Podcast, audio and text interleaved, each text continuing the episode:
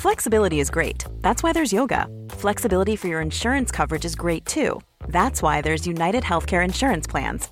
Underwritten by Golden Rule Insurance Company, United Healthcare Insurance Plans offer flexible, budget friendly coverage for medical, vision, dental, and more. One of these plans may be right for you if you're, say, between jobs, coming off your parents' plan, turning a side hustle into a full hustle, or even missed open enrollment. Want more flexibility? Find out more about United Healthcare Insurance Plans at uh1.com. Hey, I'm Ryan Reynolds. Recently, I asked Mint Mobile's legal team if big wireless companies are allowed to raise prices due to inflation. They said yes. And then when I asked if raising prices technically violates those onerous two year contracts, they said, What the f are you talking about, you insane Hollywood ass? F- So to recap, we're cutting the price of Mint Unlimited from $30 a month to just $15 a month. Give it a try at mintmobile.com slash switch. $45 upfront for three months plus taxes and fees. Promo for new customers for limited time. Unlimited more than 40 gigabytes per month. Slows. Full terms at mintmobile.com.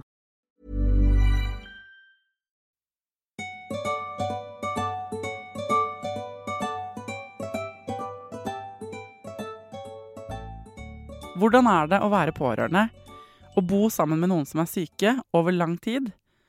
Hvilke utfordringer er det i livet som pårørende som man kanskje ikke vet om? Og hvor finner man energien og tiden og overskuddet man trenger til å eh, være noens eh, hjelp til alt? Velkommen til Foreldrerådet, folkens. Denne episoden er til deg og oss som er pårørende.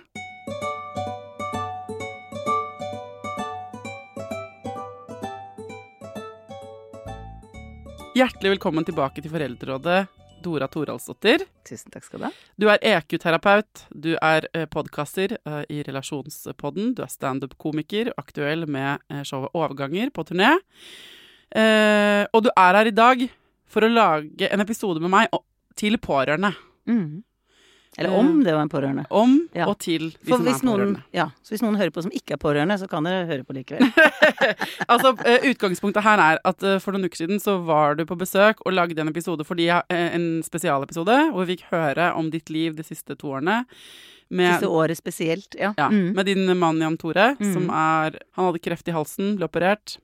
Og du har stått i et maraton, og til dels står fortsatt i et maraton. Mm. Eh, og så er du jo også eh, relasjonsterapeut. Du er Terapeut, ikke sant? Du utdanner terapeuter på deres EQ-institutt og sånn. Eh, så jeg tenker at jeg vil gjerne i denne episoden destillere både dine erfaringer som fagperson og privatperson til råd. Det hørtes veldig Ja, eh, Råd til de som er pårørende. Mm. Hva er det, hvis du skulle liksom definert å være pårørende? Pårørende er vel sånn Nå har ikke jeg lest liksom den offentlige definisjonen, men det er vel at en som står der nær, har det vanskelig. Mm. Og det kan være psykisk, og det kan være fysisk. Sånn at eh, relasjonen blir ikke så likeverdig som den er når to friske mennesker er sammen. Fordi at det er en det er på en måte mer synd på, eller en som baler med noe eller sliter med noe. Og da blir du dratt inn i en ny måte å være i forholdet, hvis vi skal holde oss til forhold, da. Eh, men dette her blir jo også hvis du har barn eller foreldre eller ikke sant, som er de du er glad i, da. Som Mm. har det vondt. Det gjør utrolig vondt når de du er glad i, har det vondt. Ja. Og det er veldig energitappende og veldig mye frykt om alt som kan gå gærent. Så jeg tenker at sånn å definere det å være pårørende er rett og slett at du er i sorg slash frykt for at den du er glad i, eh, har det vanskelig. Vondt. I tillegg til at jeg vil legge til også, er at du, eh, du er redd, og du er lei deg. Og så har du også, må du google masse.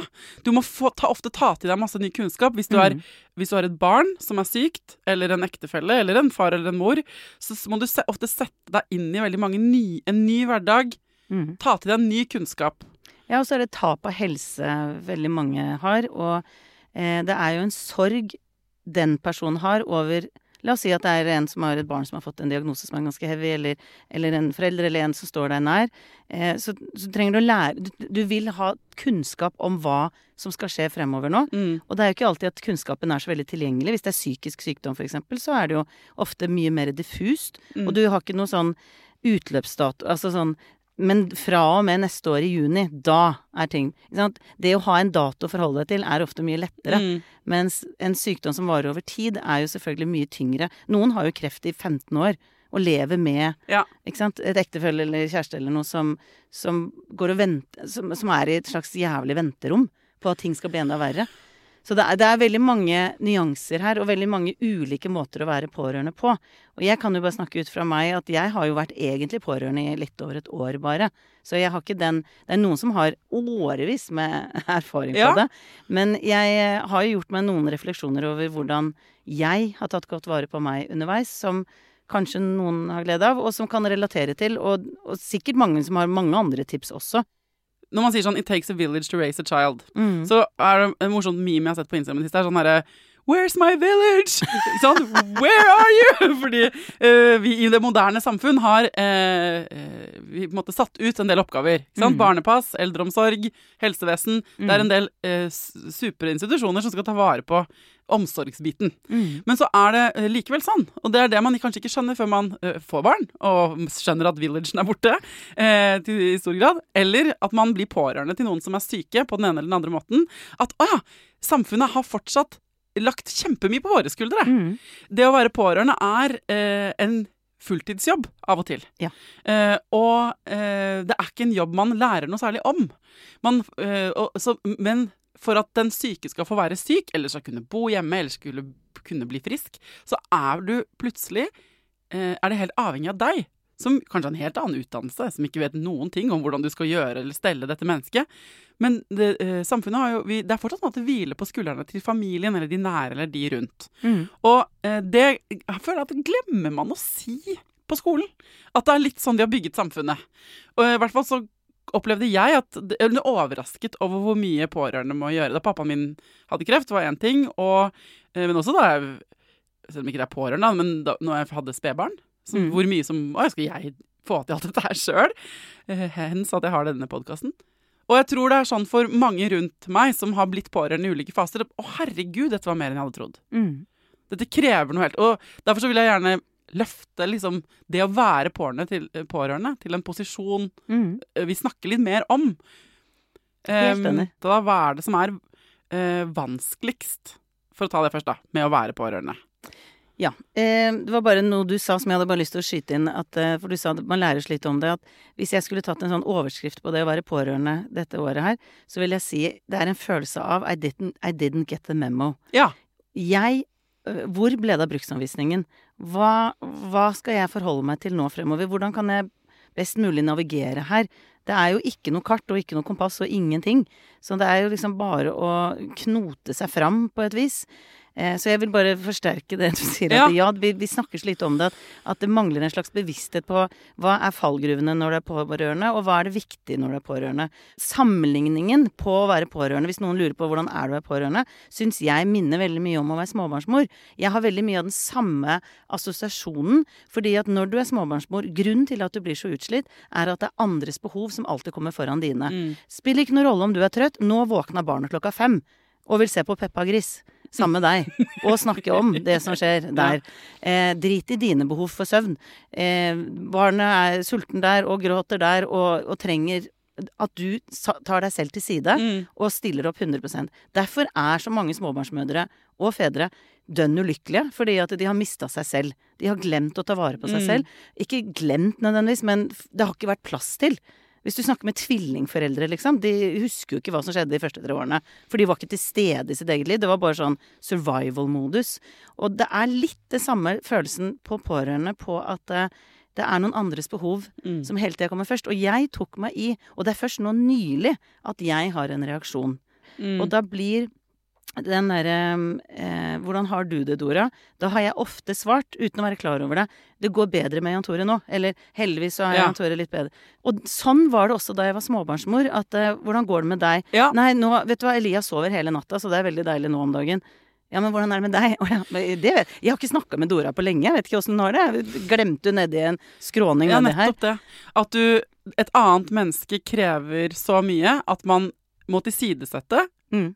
Eh, fullstendig, eller i hvert fall til en viss grad, sine egne behov. Og velger også å gjøre det. Ikke sant? Det er jo Man kan føle at man ikke velger det, fordi man må, for man er jo så glad i det mennesket. Og det er jo nydelig at vi mennesker er så selvoppofrende at vi gjør det på automatikk. Mm. Og så bare For mammaen min fikk kreft nå i, for et år siden. Eh, og pappaen min døde jo av kreft. Så da hun fikk det, så ble jo alle veldig redde. Og det hun har sagt noe øh, så bra, for hun var jo selvfølgelig også pårørende til pappa, og så sa hun det er mye lettere å være pasient. Mm. Så hun kunne sammenligne de to posisjonene, og så gjelder ikke dette for alle, eh, det er kanskje provoserende for noen å høre, men hun var veldig klar på at det er mye tøffere å være den som har omsorgen og ansvaret og er på vakt mm. 24-7. Og tenker det verste Ja. så mye. Ja, for det er veldig fort gjort at du blir den sterke i en relasjon når du er pårørende. Mm. Fordi at det er du som skal holde humøret oppe, du som skal ha troa på at dette går bra. Kom igjen og liksom Det er jo, hvis vi skal holde oss til det båtbildet, da, med den der bølgen som kommer bak, så har jo den som er syk, ramla utafor. Og du driver og drar vedkommende litt opp i båten. Det er litt den følelsen av Mm. at det er en endeløs følelse av å eh, hjelpe til, bidra, være den som eh, redder, rett og slett, da. Ja, det er du som er kaptein og Eh, skal ja. styre. Men for de som står pågående sant, i en pårørendesituasjon, hvor det er sånn Mm. Sånn er det hos oss. Noen er kronisk syke. Eh, det, man har kanskje foreldre eller med barn som er kronisk syke. Så man Det er ikke noe sånn eh, gjennom krisen. Det er 'dette er jobben min', Mm. herfra og fremover. Ja. Hvordan kan man ta vare på sine egne behov da, når man er pårørende, og det er egentlig noen andres behov som er viktigst? Da er det det å sette av tid til seg selv. Og det er et uttrykk som er egentid, som veldig mange misoppfatter litt og tenker at det er egotid. Det er ikke det. Det er, for å bruke det litt forslitte bildet, eh, når du er på fly, hvis det blir dårlig med oksygen, så sier de alltid husk å ta på deg maske først på deg, så kan du ta på andre. Hvis ikke du fyller ditt eget batteri, så har du ikke noe å gi.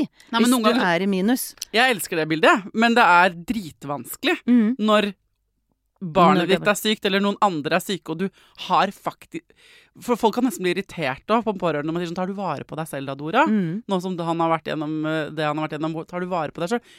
Hvordan Noen ganger så går ikke det. Ja, eh, men jo, egentlig går det, fordi at ved å Altså det er, jo, det er jo flere ting som trengs for at du benytter den egentiden. Og det ene er å vite hva gir meg glede? Mm. Hva fyller mitt batteri? For det er ikke bare å si til noen ja, du går og fyller batteriet ditt. Så er det sånn ja, men eh, hva skal jeg gjøre da?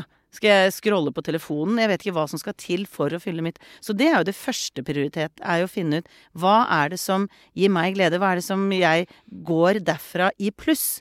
Fordi at noen mennesker kan du være sammen med, og så drar du, så er du helt utslitt fordi at du har bare sittet og hørt på klaging, eller, eller det er mennesker du har vokst fra for lenge siden, som du bare Ja. henger med av en eller annen grunn. Så det å være klar over hvem hvilke, du trenger å være ganske bevisst på livet ditt. Hva fyller jeg tiden min med? Og hvem Hvis du tenker at gjennom livet så har vi egentlig en båt med ganske få plasser. Hvem er i din båt? Hvem er det som får tiden din? Og du kan velge hvem som er i den båten. En del har mennesker som er ganske tunge å ha i den båten.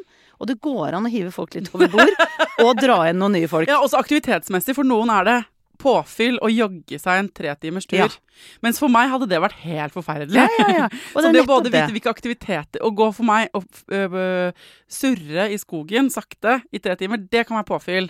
Mens på andre er det dritt. Så du må som du sier, være bevisst i forhold til hva er det jeg blir glad av. Ja. Hva er det som jeg får meg til å føle meg bra? Og så er det det, og hvem får meg det. til å føle meg bra? Og så jeg- velge det. Og jeg kan ta et eksempel, fordi da jeg var på sykehuset og han ble operert, og det var så heftig alt sammen, det var, det var så sant, Det var masse ledninger, og det var drama. Så er det sånn at sykehuset var jo rett ved skogen. Sånn at hver eneste dag så tenkte jeg, jeg Altså det å gå ut i natur er jo Igjen, dette er klisjé, men det er så mye påfyll ofte i å bare gå i natur. Det er noe som skjer når vi er i naturen. Ja, det er ganske one size fits all for nesten Ja. alle. Er det Jeg en vil god idé? påstå det, altså. Og det sies ifølge hjerneforskning, hvis du har lyst til å få det bra, så er fysisk aktivitet den kjappeste måten til å få det litt bedre. Mm. Og det handler ikke om løping eller slite seg ut, det handler om at du beveger deg, for vi er ikke skapt til å sitte så mye som vi gjør. Så det at jeg gikk ut hver eneste dag, så gikk jeg ca. en time. Altså, jeg, jeg så ikke på klokka, for det, det var irrelevant, men det ble en sånn løype jeg gikk. Mm. Og noen ganger så kjente jeg, vet du, nå har jeg lyst til å høre på rolig musikk, og så gråt jeg masse, for jeg, jeg vet, og dette er jo det å være terapeut også, at når det hoper seg opp følelser, hvis du setter lokk på det og tenker det passer ikke nå, jeg orker ikke nå, så bare Det er som å trykke på pause. Det, det hjelper, det får ikke noe ut. Men det å tillate de følelsene som kommer og komme, sette ord på de. Noen ganger ringte jeg mamma, eh, og så har jeg da Bjørg, søsteren min, som Bjørg og jeg har hatt en deal i mange år. Eh, som er at vi begynner samtalen med 'nå trenger jeg bare søppelkasse'. Og det som er da, er at hvis, hvis, får, hvis Bjørg sier 'du, jeg trenger bare søppelkasse', da vet jeg at nå skal hun bare blablabla, Så sa hun, og det gjorde hun. Og da det er ikke noe viktig hvordan historien er, eller det, Altså, bare tøm deg. Ventilere, liksom. Ja, ventilere. Og så er det sånn, OK, ha det. Og så legger jeg på. Og så vet jeg at jeg kan ringe. Mm. Og det gjorde jeg litt, at jeg ringte bare 'nå er det søppelbøtte'. Og da, da fristilles jeg fra sånn 'hvordan er det med deg', og ikke Ja, ja. Det er bare 'nå trenger jeg'. Og så gjorde jeg Så det Jeg hadde liksom to personer som var sånn som jeg kunne bare sånn lempe alt over på. Og så hørte jeg noen ganger på musikk, og noen ganger hadde jeg bare lyst på stillhet. Um, men, men for min del så var det noe som hjalp meg i den krisen, å bare nullstille meg litt. Fordi at det du har egentlig dratt oss gjennom nå, er Jeg prøvde å notere underveis. For det er hva, hvordan tar man vare på egne behov? Og så er jo Dora, som dere hører, hun er jo veldig god på det, for hun er jo hun er ikke EQ-terapeut for ingenting. Men det du sier, er liksom Det er noen ting som vi alle har felles i nerve, et nervesystem inni oss, som hoper seg opp. Ja. Og vi blir utslitte. Og du merker det kanskje ikke for du går på autopilot og adrenalin og alt det der holder deg gående. Men du som pårørende, du trenger å gråte. Altså det er én måte som er universell, hvor man får eh, ventilert ut dritt fra nervesystemet sitt, rett og slett. Mm. En annen måte er å bevege seg. Altså det å få, få, sånn stresshormoner og det lagrer seg opp, eller sånn det, det setter seg Hvis du sitter helt stille, så du trenger å flytte på kroppen for å få det ut. Så det å gå ut i naturen, få grått, få beveget deg, få liksom få ut Og gjerne med ord hvis du trenger det, Ja, til og i noen du stoler tillegg fylle opp med gode inntrykk, og finne en søppelkasse. Mm. Så du kan få snakka det ut. Så finne søppelkasse, skravle, gråte, bevege deg, være ute. Og hvis du får tak i noe du har lyst på, fylle opp tanken med det. Ja. Så kan det jo være at noen har drevet med kickboksing i mange år og har veldig stor utbytte av å sparke på en uh, Ja, sekk, det kan sant? være tips til. Det kan være sånn at ikke det bare er sånn det må være skogen og, og Nei, nei. gråte. Det kan være så mangt. Jeg snakket med noen Mm. som jeg kjenner som har mistet et barn. Uh, hun sa vi, bading for meg. Altså iskaldt vann, varme, kulde. Men det er ganske basalt for Altså Ja. eh, systemregulering Mm. er jo litt sånn Det er ikke one size fits all, for det finnes tusen varianter. Mm. Men det er mye av det samme Vi har jo de samme nervesystemene inni kroppene våre. Ja. Så ø, din variant av tur i skogen, da. For noen er det å sparke og løs på, eller kickbokse. Ja. For andre er det Ja. Ikke sant. Folk har sine greier. Kjøre dritfort i bil på en racerbane, sikkert. Er det noen Ja, som har jeg hadde jo Før drev jeg og trente Altså ikke mye, altså jeg har jo vært veldig sånn jojo. Det er litt sånn og litt sånn på sånn trening Sånn timer, ikke sant. Mm. Som sånn til og fra. Eh, og så når dette skjedde, så bare kjente jeg jeg har ikke noe overskudd til å være i et rom med Nei. andre mennesker. Og, og skulle være der en time, eller ikke sant. Den derre den der, det er fra klokka da til da, Mm. og så skal vi være her. Så jeg fant ut at yoga var min greie. Ja. Og det bare gå ned i kjelleren, og jeg følte for det. Og så fant jeg en sånn 23 minutters ja, yogagreie på YouTube. Som jeg bare gjør eh, når jeg føler for det. Og For det er ikke så det er, det er ikke forpliktende. Og jeg kan, hvis jeg vil slutte når jeg er halvveis, kan jeg det. Det er en eller annen sånn frihet i det. Ja. Men det er Det, tar litt tid å gjerne finne eh, de lommene. Og, i, og når du kanskje reiser vekk, så er det noe med bevisst Hvis du kjenner på sånn 'Å, nå burde jeg vært der', og sånn. Nei. ja, for hva, hva gjør man med dårlig samvittighet? Dårlig samvittighet. Hvis jeg oversetter det på norsk, hva det egentlig ligger i det, så er det å dømme seg selv. For å ikke være bra nok. Det er dårlig samvittighet. Veldig mange har dårlig samvittighet for å ikke være bra nok mor eller datter eller venninne eller Jeg burde vært bedre. Det er jo det vi driver med.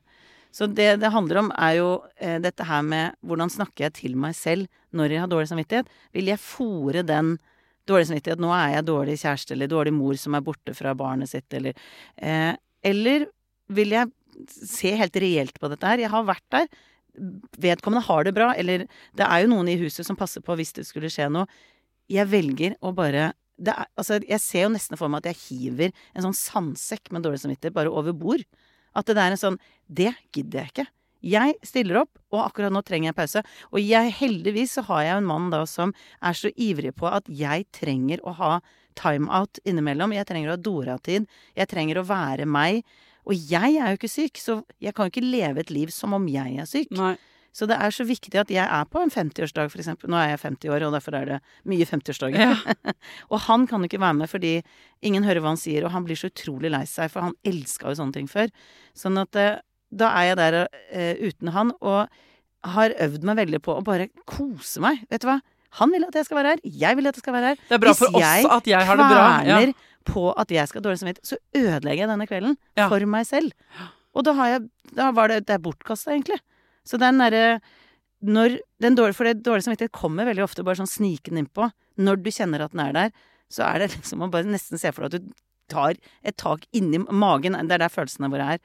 Og så tar du tak i den dårlige samvittigheten og bare pælmer den av gårde. Ja. For det, dette her gidder jeg ikke. Nei, hvis det skal være noe vits i at du gjør ting for deg sjøl, så må det føles bra. Ja. Ellers så kommer du bare hjem eh, Da er du enda tommere tank, da. Ja. Så enten så eh, drar du dit, eller gjør de tingene som får deg til å føle deg bra, og da skal du ikke ha et snev av dårlig samvittighet. Da er du så flink. Mm. Det er superkrevende å fylle sin egen tank eller ta på Ja. seg oksygenmaska, men det er helt nødvendig at du gjør det, det, Spesielt det hvis du Mm. skal være sterk som pårørende til en som er dårlig. Mm. Og så er det det å si til den pårørende hvis du syns ting er vanskelig. Fordi hvis du ikke gjør det, så blir det en skjevhet i den relasjonen uansett Altså, du kan ikke gjøre dette med barn, for da får de et ansvar de er For de har ikke modenhet eller alder til å, å takle. Men det å eh, Med voksne å våge å si hva det gjør med deg, for at den personen også skal føle seg involvert i hvor du er. Mm. For at man er et team. Og det siste jeg hadde lyst til å si også i forhold til dette med å være kjærestepar, er at eh, vi har snakka ofte om det, at det som er faren her, er at det blir sånn mor-sønn, eh, pleier-pasient-relasjon, hvor alt handler bare om helse og eh, hvordan går det med deg, og, og ta et teppe rundt, for nå fryser du. Ja. Eh, å gå ut av den, det, det har vært en skikkelig sånn treningsgreie. Ja. Fordi at det, ellers så mister vi kjæresterelasjonen, og da mister vi jo alt Mm. som alt dette her gjør at vi holder ut med dette her, er jo at vi vet at Fy fader, for noe kjærestepar vi blir når alt er bra. Men vi er kjærester innimellom. Fordi at Finne trenger lommer da, hvor, hvor relasjonen kan være så normal som Ja. mulig. For å få fylt på paret, Ja. liksom. Og når jeg og Det er noen ganger jeg stiller litt spørsmål om hvordan han har det og sånn, og da kan han si sånn «Uh, uh, Du er ikke terapeuten min, du er kona mi. Ja. Hey, I'm Ryan Reynolds. Recently, I asked Mint Mobile's legal team if big wireless companies are allowed to raise prices due to inflation. They said yes. And then when I asked if raising prices technically violates those onerous two year contracts, they said, What the f are you talking about, you insane Hollywood ass? F- So to recap, we're cutting the price of Mint Unlimited from $30 a month to just $15 a month. Give it a try at mintmobile.com slash switch. $45 upfront for three months plus taxes and fees. Promo rate for new customers for limited time. Unlimited more than 40 gigabytes per month. Slows. Full terms at mintmobile.com. A lot can happen in three years, like a chatbot may be your new best friend. But what won't change? Needing health insurance. United Healthcare Tri Term Medical Plans, underwritten by Golden Rule Insurance Company, offer flexible, budget friendly coverage that lasts nearly three years in some states. Learn more at uh1.com. This message comes from BOF sponsor eBay. You'll know real when you get it. It'll say eBay Authenticity Guarantee. And you'll feel it. Maybe it's a head turning handbag, a watch that says it all, jewelry that makes you look like the gem, or sneakers and streetwear so fresh every step feels fly. eBay gets it. So look for the blue check mark next to that thing you love and be confident that every inch, stitch, sole, and logo is checked by experts. With eBay Authenticity Guarantee, you can trust that feeling of real is always in reach. Ensure your next purchase is the real deal. Visit eBay.com for terms. Når det gjelder møte med helsevesenet, så kan man også være litt lite forberedt som pårørende på hvor mye man har å si. Eller sånn i Mm. forhold til møte med leger og stille spørsmål og alt sånn. Eh, Hvordan er det, syns du, av, eller fra ditt perspektiv, hva er de viktigste oppgavene til en pårørende i møte med sykehus og leger og sånn? Ja, det var jo bra spørsmål. Eh, det jeg føler er eh, igjen denne følelsen av I didn't get the memo, er at det er så mye du trenger å finne ut av selv. Fordi at det mangler veldig mye informasjon, hva du har rett på eller krav på, eller for eksempel bare ta dette skuldrene. Ikke sant? Han har jo han tar jo spenner seg veldig mye fordi at det er vondt å svelge, det er vondt å spise, han får mye smerter. Eh, ja, det er, det er mye greier. Og så tenkte jeg sånn, men det kan jo være at vi kan få dekka fysioterapeut. Og så var det sånn, ok, men da trenger vi å finne ut av det. Og da var det liksom å Jeg ringte kreftkoordinatoren for eksempel og sa at det er jo veldig tøft psykisk, og vi har fått vite det at blant selvmord etter kreftoperasjon, så er denne operasjonen nummer én. Det er det mest vanlige eh, Altså, de som tar livet av seg etter en kreftoperasjon, da er denne type kreft helt nummer én. Hva gjør helsevesenet når vi vet hvor tøft psykisk det er. Mm. Ingenting. Og når jeg Nei. spurte, så sa hun sånn Ja, det er seks til tolv måneders ventetid hos psykolog. Men, og, og, og da vil jeg bare si Dette er jo fordi han har kreft, og Mm. kreft er jo en eh, på en måte Rolls-Roycen i, Ja, Man har på en måte sammenheng. flaks fordi man kommer inn i Mm. et system som er veldig utarbeidet, og det ligger veldig mye penger i kreftsystemet, men for folk som står som pårørende til andre typer psykiske lidelser, du, har pårørende, du er pårørende til noen med kronisk sykdom Mm. eller andre ting, så er jo nettopp det du sier der at ja, det er overraskende mange ting man må finne ut av sjæl. Ja. Ja. Det er litt sånn som man øh, kanskje første gang man er, hvis man er i kontakt med Nav første gang når man skal ha foreldrepermisjon, Mm. så blir man jo overrasket over Herregud, du må jo ha en mastergrad for å skjønne disse skjemaene og hva du skal skrive under på. Mm. På samme måte er det når uh, du trenger å være innmari frisk for å tåle å være syk. For det er ja. mye å navigere i, og det er overraskende som pårørende. Og det var, vi hadde sånn helsesykepleier, eller sånn syke, hjemmesykepleier heter det, som kom eh, på kveldene av og til. Eh, eller de kom i starten hver kveld, da.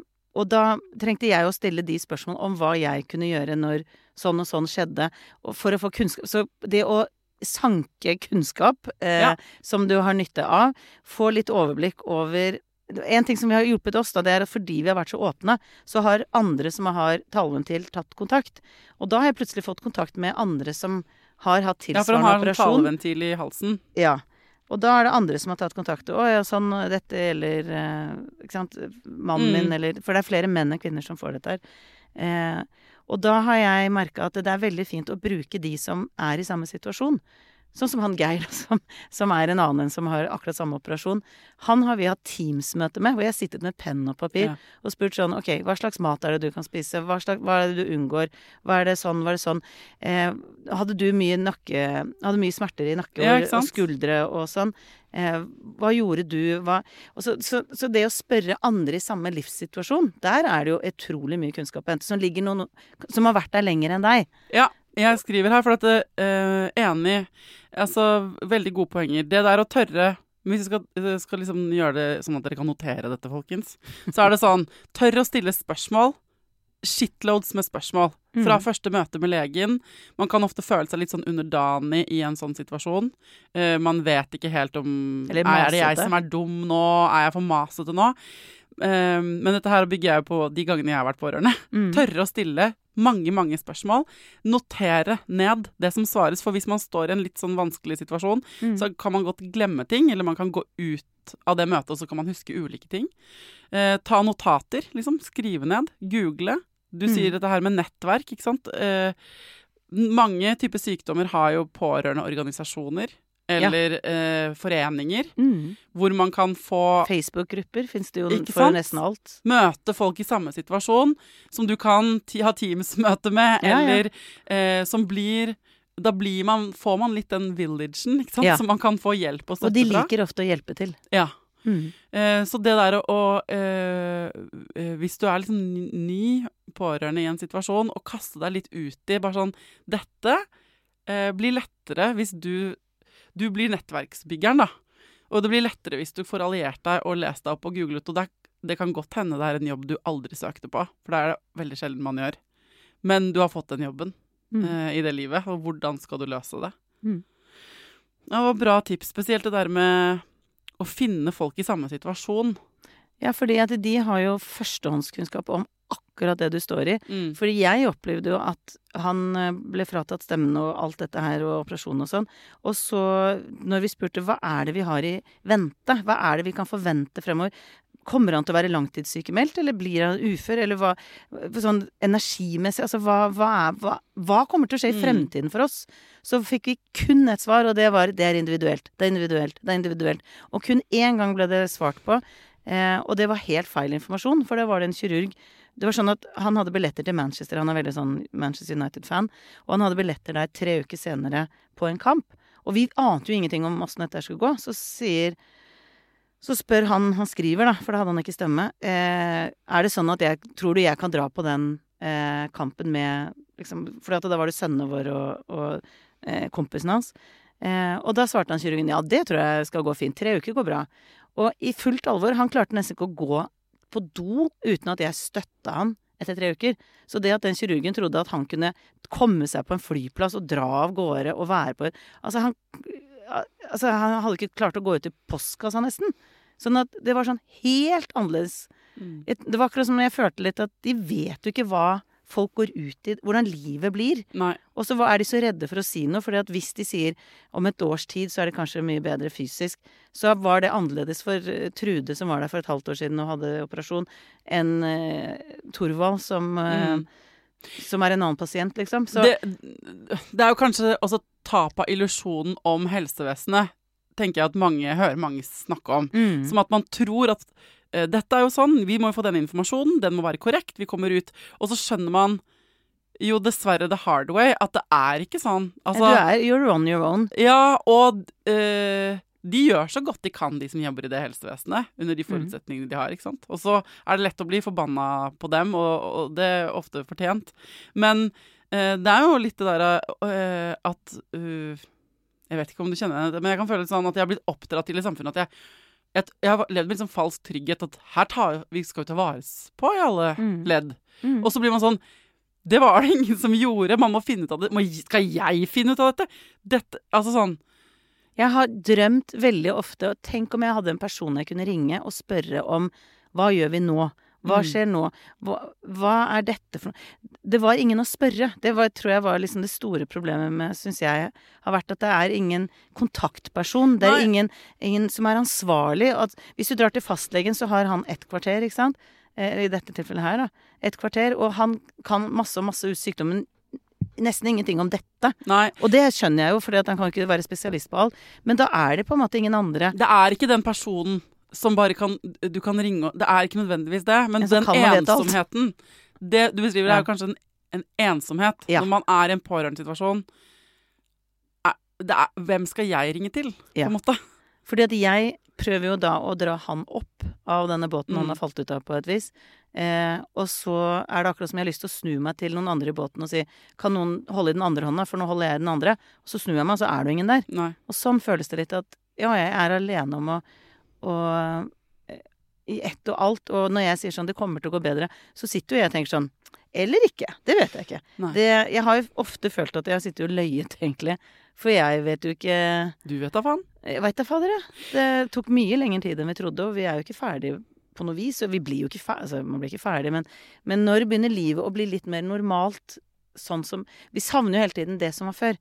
Og så er nå sorgen over at det blir aldri som før, men vi trenger å finne en annen normalitet. Og det er en veldig sårbar prosess. Hva vil du si til andre som hører på, som er pårørende i sine liv? Da vil jeg si eh, nummer én å ta vare på deg selv. Jeg tror det er veldig fort gjort at du blir syk av å hjelpe en som er syk. Og det er det veldig mange eksempler på, dessverre. Fordi du, du blir helt utmatta av å gi og gi og gi. Så det å fylle eget, og det er bare du som kan ta ansvar for, eh, gjerne sette av tid, for det er det vi ofte gjør, er å Ja, ja, men det skal jeg gjøre når jeg får tid down the line. Men det å for eksempel jeg syns f.eks. småbarnsfedre er veldig mye flinkere enn småbarnsmødre til å ta vare på seg selv. Veldig mange menn som blir fedre, slutter jo ikke med bandy på torsdager fordi de får barn. De slutter ikke i bandet sitt eller en eller annen hobby de har. Fordi at det De skal jo ikke slutte å leve selv om de får barn. Mens mange kvinner bare slutter med alt, og, så, og treffer venninner og alt. Og så handler bare ting om Mens veldig mange småbarnsfedre er hver fredag på det, eller hver tirsdag på det. Og det er noe med å ta det litt som inspirasjon. At tirsdag og, og torsdag, fra da til da, så gjør jeg ting som bare jeg har glede av. Eller de eh, lukene hvor jeg har anledning til det. Eller eh, noe som du Og så finne ut av hva det er, da, som, som kan hjelpe deg. Og det trenger ikke være spektakulære ting. Det kan jo være at du ser på en serie på soverommet på en eh, PC, og bare melder deg litt ut. Men det å gjøre det med god samvittighet Jeg er veldig opptatt av det med god samvittighet. For hvis ikke, så er det bortkasta. Så hovedoppgaven din som pårørende er eh, kontraintuitivt, som du kan det høres ut, da. Eh, og når du blir pårørende til noen, når du er pårørende til noen, så er det veldig viktig, enda viktigere enn før nesten, at du får dekket dine egne behov på et eller annet tidspunkt. Mm. For det er, nå kreves det dobbelt opp av dine batterier. Så da er du nødt til å ha en dritgod lader. Mm. For uten den laderen nå, så går det ikke bare utover deg, det går også utover den andre du skal hjelpe. Så det har aldri vært viktigere å få lada de batteriene. Og akkurat som en telefon, de fleste lader på natta. eh, telefonen, og det er det samme at du trenger fast lading. Mm. Det er ikke sånn om to måneder i tre Nei. kvarter. Nei. Men det er liksom fast å, å gjøre ting for deg uten Mm. å føle deg egoistisk. Og så er det, tror jeg, å tørre å lene deg litt på den som er syk, og si hvordan du har det. Eh, for at den personen ikke skal bare føle seg som pasient. Ja, hvis du er jo... en voksen, da. Hvis ja, ja, du hvis er er en voksen. barn. Nei, Mm. til et barn så trenger du å fylle Da må du finne en annen å lene Ja. deg på. Og det er et uttrykk jeg tror veldig på, og det er en omsorgsperson trenger en omsorgsperson. Mm. Og det er den personen du kan snakke til åssen du har det som pårørende. Mm. Og det er en annen person enn den pårørende. Og der bruker jeg f.eks. søsteren min som sånn søppelbøtte, når det bare hoper seg litt opp. Ja. Og det å ventilere, det å bare få ting ut av systemet, gjør at det ikke hoper seg opp og blir så ille. Ofte så fremstår pårørende, hvis du ikke er pårørende selv, men du kjenner en venninne som har gått gjennom noe greier fordi mannen hennes er syk, eller et eller annet Du, du, du er vennen til en pårørende. Mm. Eh, så kan de fremstå veldig sterke og i full kontroll. Sånn at eh, det kan være vanskelig å komme i posisjon til å gi dem omsorg, fordi de har så mye å gjøre, og de er så travle, og de har så de, de er ikke kanskje, Det er ikke så lett å få logga inn med dem. Mm. Men jeg så en, eh, det er et sånt motto som jeg liker veldig godt, som er 'check in on your strong friend'. Ja. Eh, og det trenger ikke å være pårørende nødvendigvis, men hvis alle i dag, alle de tusenvis av menneskene som hører denne episoden, tar én ekstra telefon til din, eh, den i nettverket sitt som tilsynelatende eh, har mest kontroll, Mm. og som er sterkest, og som alltid står i bresjen på ting, Mm. eh, så er det ofte velplassert omsorg. Ja. Fordi ganske mange pårørende virker som om de ikke trenger noe. Men nettopp det å da få lov til å bli møtt med litt ekstra omsorg når man er Ja. i den situasjonen, det er veldig rørende. Mm. Og det kan være bidragsytende til å fylle på den tanken uten at man selv må ut og finne det. Ja. Men hun venninna som ringer meg når jeg har vært pårørende selv og sier sånn Jeg bare tenkte litt på hvordan du hadde det i dag, jeg. Ja. Nei, jeg syns også det har vært innmari deilig, men jeg har fått noen meldinger sånn Vil du bare si Nå tenker jeg på deg. Jeg vet at du Ja. står i mye nå med mannen din, men det, det er deg jeg tenker på. En sånn følelse av sånn Bare vite at du, Mm. du er ikke glemt i denne sammenheng. Og så var det en ting som var veldig rørende, syns jeg. Som sånn eksempel på Fordi at det som skjedde, var at veldig mange sa 'si ifra hvis det er noe jeg kan hjelpe'. Si ifra hvis det er noe jeg kan gjøre. Klassisk. Og da tenkte jeg sånn Men vet du fader, hva skal det være for noe? Og så var det sånn at uh, sønnen min har en veldig god venn som bor et annet sted. Og så var Elias hos denne vennen midt oppi alt sammen. Og så fikk jeg en uh, Jeg bare syntes det var så fint gjort. Så sa hun jeg har levert Elias eh, hjem. Forresten, sjekk fryseren din når du kommer hjem. Og det som er at eh, Jan Tore kunne jo bare spise flytende, ikke sant. Og så åpner jeg fryseren, og så har den bare stappfull Da har hun lagd fire forskjellige supper som hun har lagt på sånn glass i Åh. fryseren, sånn at jeg kunne bare ta ut det. Jeg slapp å begynne å lage supper til en veldig syk mann, fordi fryseren var full av kjærlighet. Fryseren var full av kjærlighet, hvis jeg kan bare si det som det er. Og da var det jo mange som sa si fra. Og jeg hadde jo ikke kommet på Hei, kunne du ha lagd fire ulike Nei. supper fra bunnen av som er næringsrike, og lagt de i glass i fryse... Jeg hadde ikke kommet på det engang. Men jeg bare tenkte sånn Åh, det der var akkurat det fineste du kunne ha gjort. Og det å komme med en lasagne, for eksempel, bare sette på trappa. Jeg trenger ikke å komme inn engang. Her, kos dere. Bare la, sett den skitten på trappa, jeg henter den. Sånne ting er bare magiske. Å være pårørende til pårørende, da, eller Ja. venner av pårørende, Mm. da er det de gamle nabokjerringstriksene. Mm. Jeg slår et slag Mat. for hjemmelaga mat. Mm. Klipping av plen, Mm. skifte dekk, sjekke Ja. er det noen som Har dere en hekk som må klippes? Skal jeg levere ungen din på fritidsordning? Eh, eh, det, dine barn er invitert på hyttetur med Ja. våre barn i helgen. Vi kommer og henter. Ja. Hva trenger du hjelp til å handle på butikken? Send meg lista, jeg drar på Rema om to Mm. timer. Det å tørre å ikke bare bli stående sånn litt initiativ. utenfor og si sånn Si ifra hvis du Mm. trenger hjelp, da.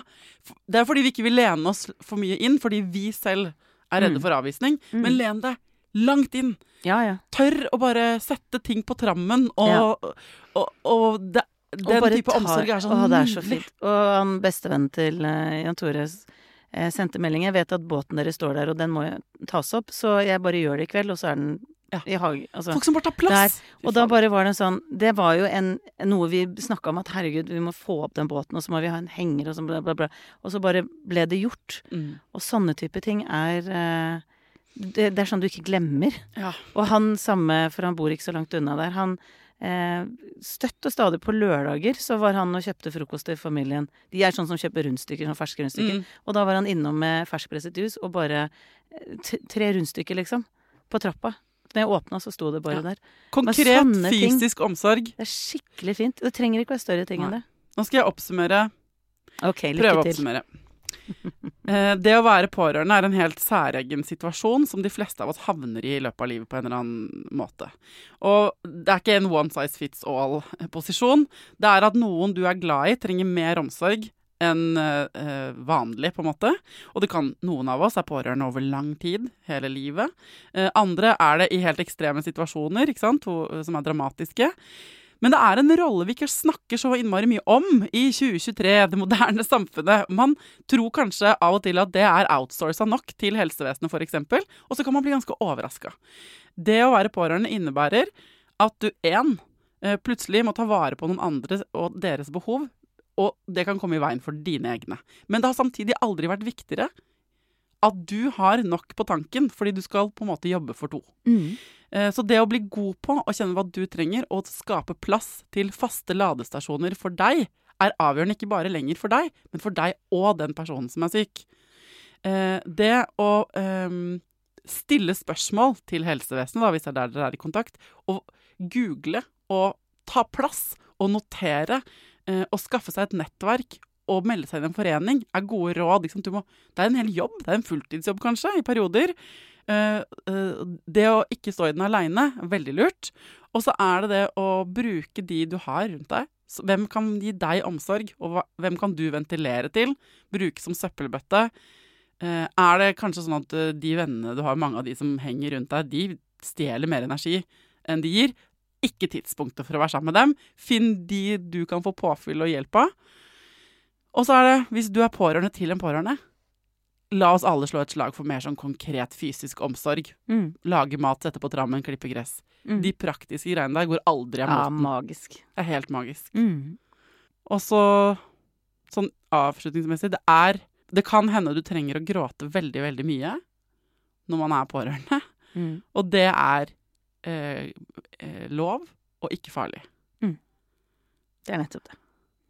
Har du noe du vil legge til? Veldig fint. Nei, jeg syns det var veldig godt oppsummert.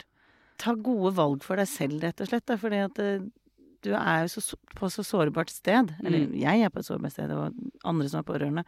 Eh, det å være litt sånn raus med seg selv. For det vi gjør, er at vi setter ofte veldig høye krav til oss selv. At så skal vi trene så og så ofte, og så skal vi spise sånn og sånn, og så skal vi, vi skal få til sånn og ikke sant? Det er en sånn to do-list som veldig mange har.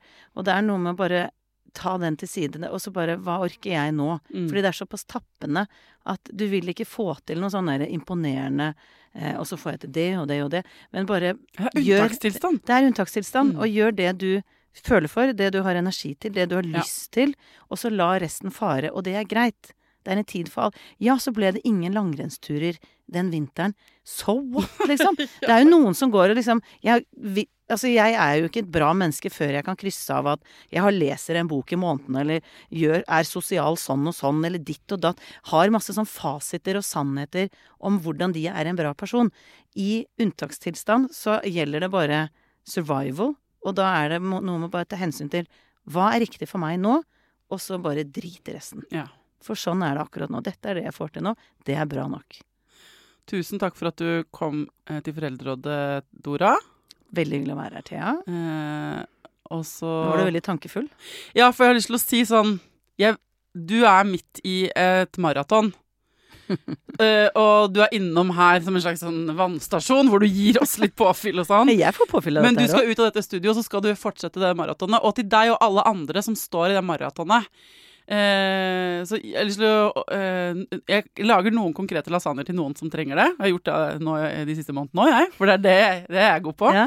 Men jeg gir også liksom til alle dere som bare Alle som kjemper en kamp man ikke ser noe til da, der ute. Fytti helvete, jeg blir så full av kjærlighet. Og jeg får lyst til å sende sånne eh, fiktive eh, lasagner og legge Ja, ja, ja. de fryserne til dere alle. Så lykke til, er det jeg kanskje prøver å si. Her sender vi mange lasagner, mentale lasagner i hytt og pine. Lykke til med liksom videre spurt. Ja. Ja. Og ta vare på deg selv og den du er glad i. Og Mm. så er det veldig ofte sånn at det ender godt. Man må bare huske på det.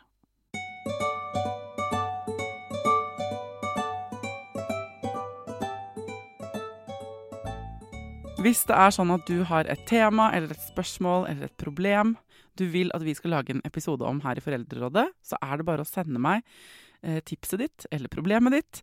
Da sender du det til Foreldrerådets konto på Instagram, eller til meg på mail på foreldreradet at gmail.com. Og så setter vi temaet ditt opp på en liste, og så finner vi en ekspert som kan svare på det du lurer på. Det er sånn det funker.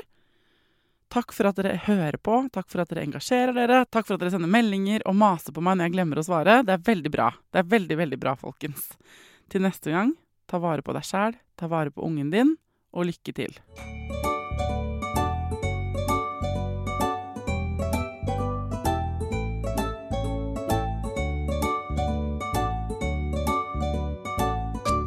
Produsert av Klinge.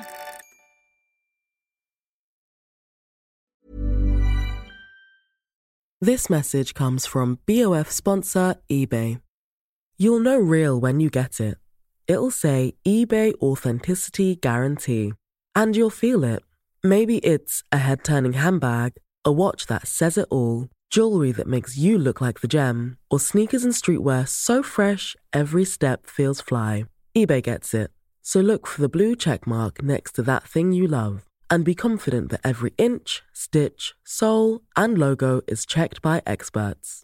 With eBay Authenticity Guarantee, you can trust that feeling of real is always in reach. Ensure your next purchase is the real deal. Visit eBay.com for terms.